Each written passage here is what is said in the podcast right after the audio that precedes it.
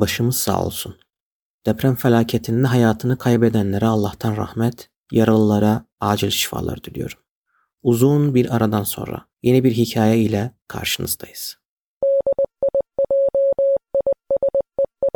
Kızlarımla okula gidiyoruz. Kızım dedi ki yazmayı bilen kitapla yazmayı bilmeyen kitap hikayesi istiyorum. Bir varmış bir yokmuş. Bir tane kocaman kütüphane varmış. Bu kütüphane içerisinde her konuyla ilgili kitap varmış. Astronomi varmış. Yazmayı öğrenme kitapları varmış. Resim yapma kitapları varmış. Müzik kitapları da varmış. Doğayla alakalı her çeşit kitap varmış. İnsanlar bu kütüphaneye gelip zaman geçiriyormuş ve her şeyi öğreniyormuş. Müzik çalmayı öğrenmek isteyen genç geliyormuş kütüphaneye ve kütüphanede gitar nasıl çalınır, notalar nasıl okunur diye kitapları inceliyormuş ve öğreniyormuş. Yaşlı dede torununun fotoğrafını çekmek için fotoğraf nasıl çekilir kitaplarını okuyormuş ve artık torununun fotoğraflarını çok güzel çekiyormuş. Bir taraftan öğrenciler gelip ders çalışıyormuş kütüphanede. Bir taraftan da hikaye ve roman okumak isteyenler yine kütüphaneye gelip bu ilgi çekici kitapları gelip okuyorlarmış. Gel zaman git zaman.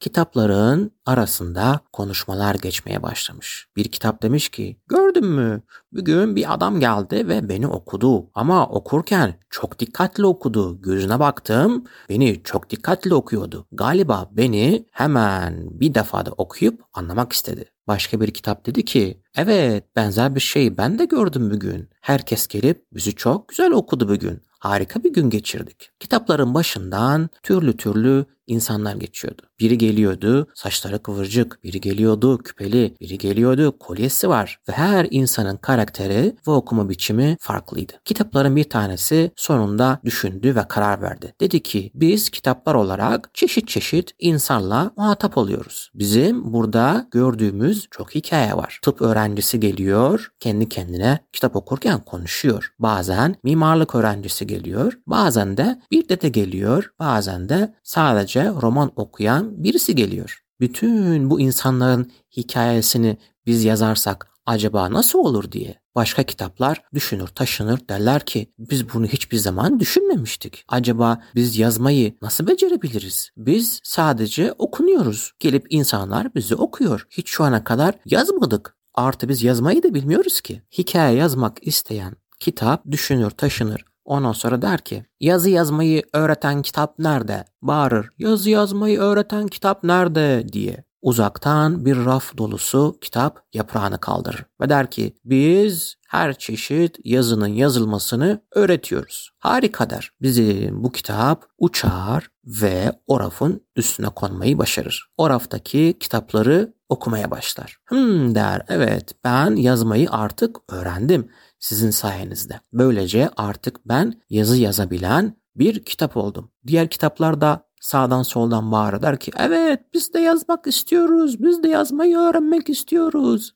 diye ve diğer kitaplarda o rafın yanına gider ve o kitapları okurlar, yazı yazmayı da öğrenirler. Eskiden hiç yazı yazmayı bilmeyen kitaplar sadece okunuyordu ama şimdi yazı yazmayı öğrenen kitaplarda artık onları okuyan insanların hikayesini yazabilir hale geldi. Başka bir kitap düşünür. Der ki hmm, biz bu yöntemi hiç kullanmamıştık. Biz kendi kendimizi hep okuyorduk, biliyorduk kendimizin ne olduğunu ama başka kitapları hiç okumuyorduk. Mesela ben keman çalmayı çok isterim. Acaba keman çalabilir miyim diye. Eğer keman çalmak istersem belki gider keman çalmayı öğreten kitabı okurum belki de öğrenirim diye düşünür. Böylece kitapların önünde müthiş bir kapı açılmış olur. Artık yazı yazabilen kitap bütün diğer kitaplara ilham kaynağı oldu ve kitaplar artık birbirlerini okuyup ve hiçbir zaman bilmedikleri konuları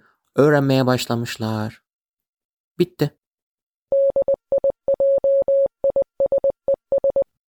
Hikaye isteklerinizi okul yolu hikayeleri at gmail.com mail adresinden bize ulaştırabilirsiniz.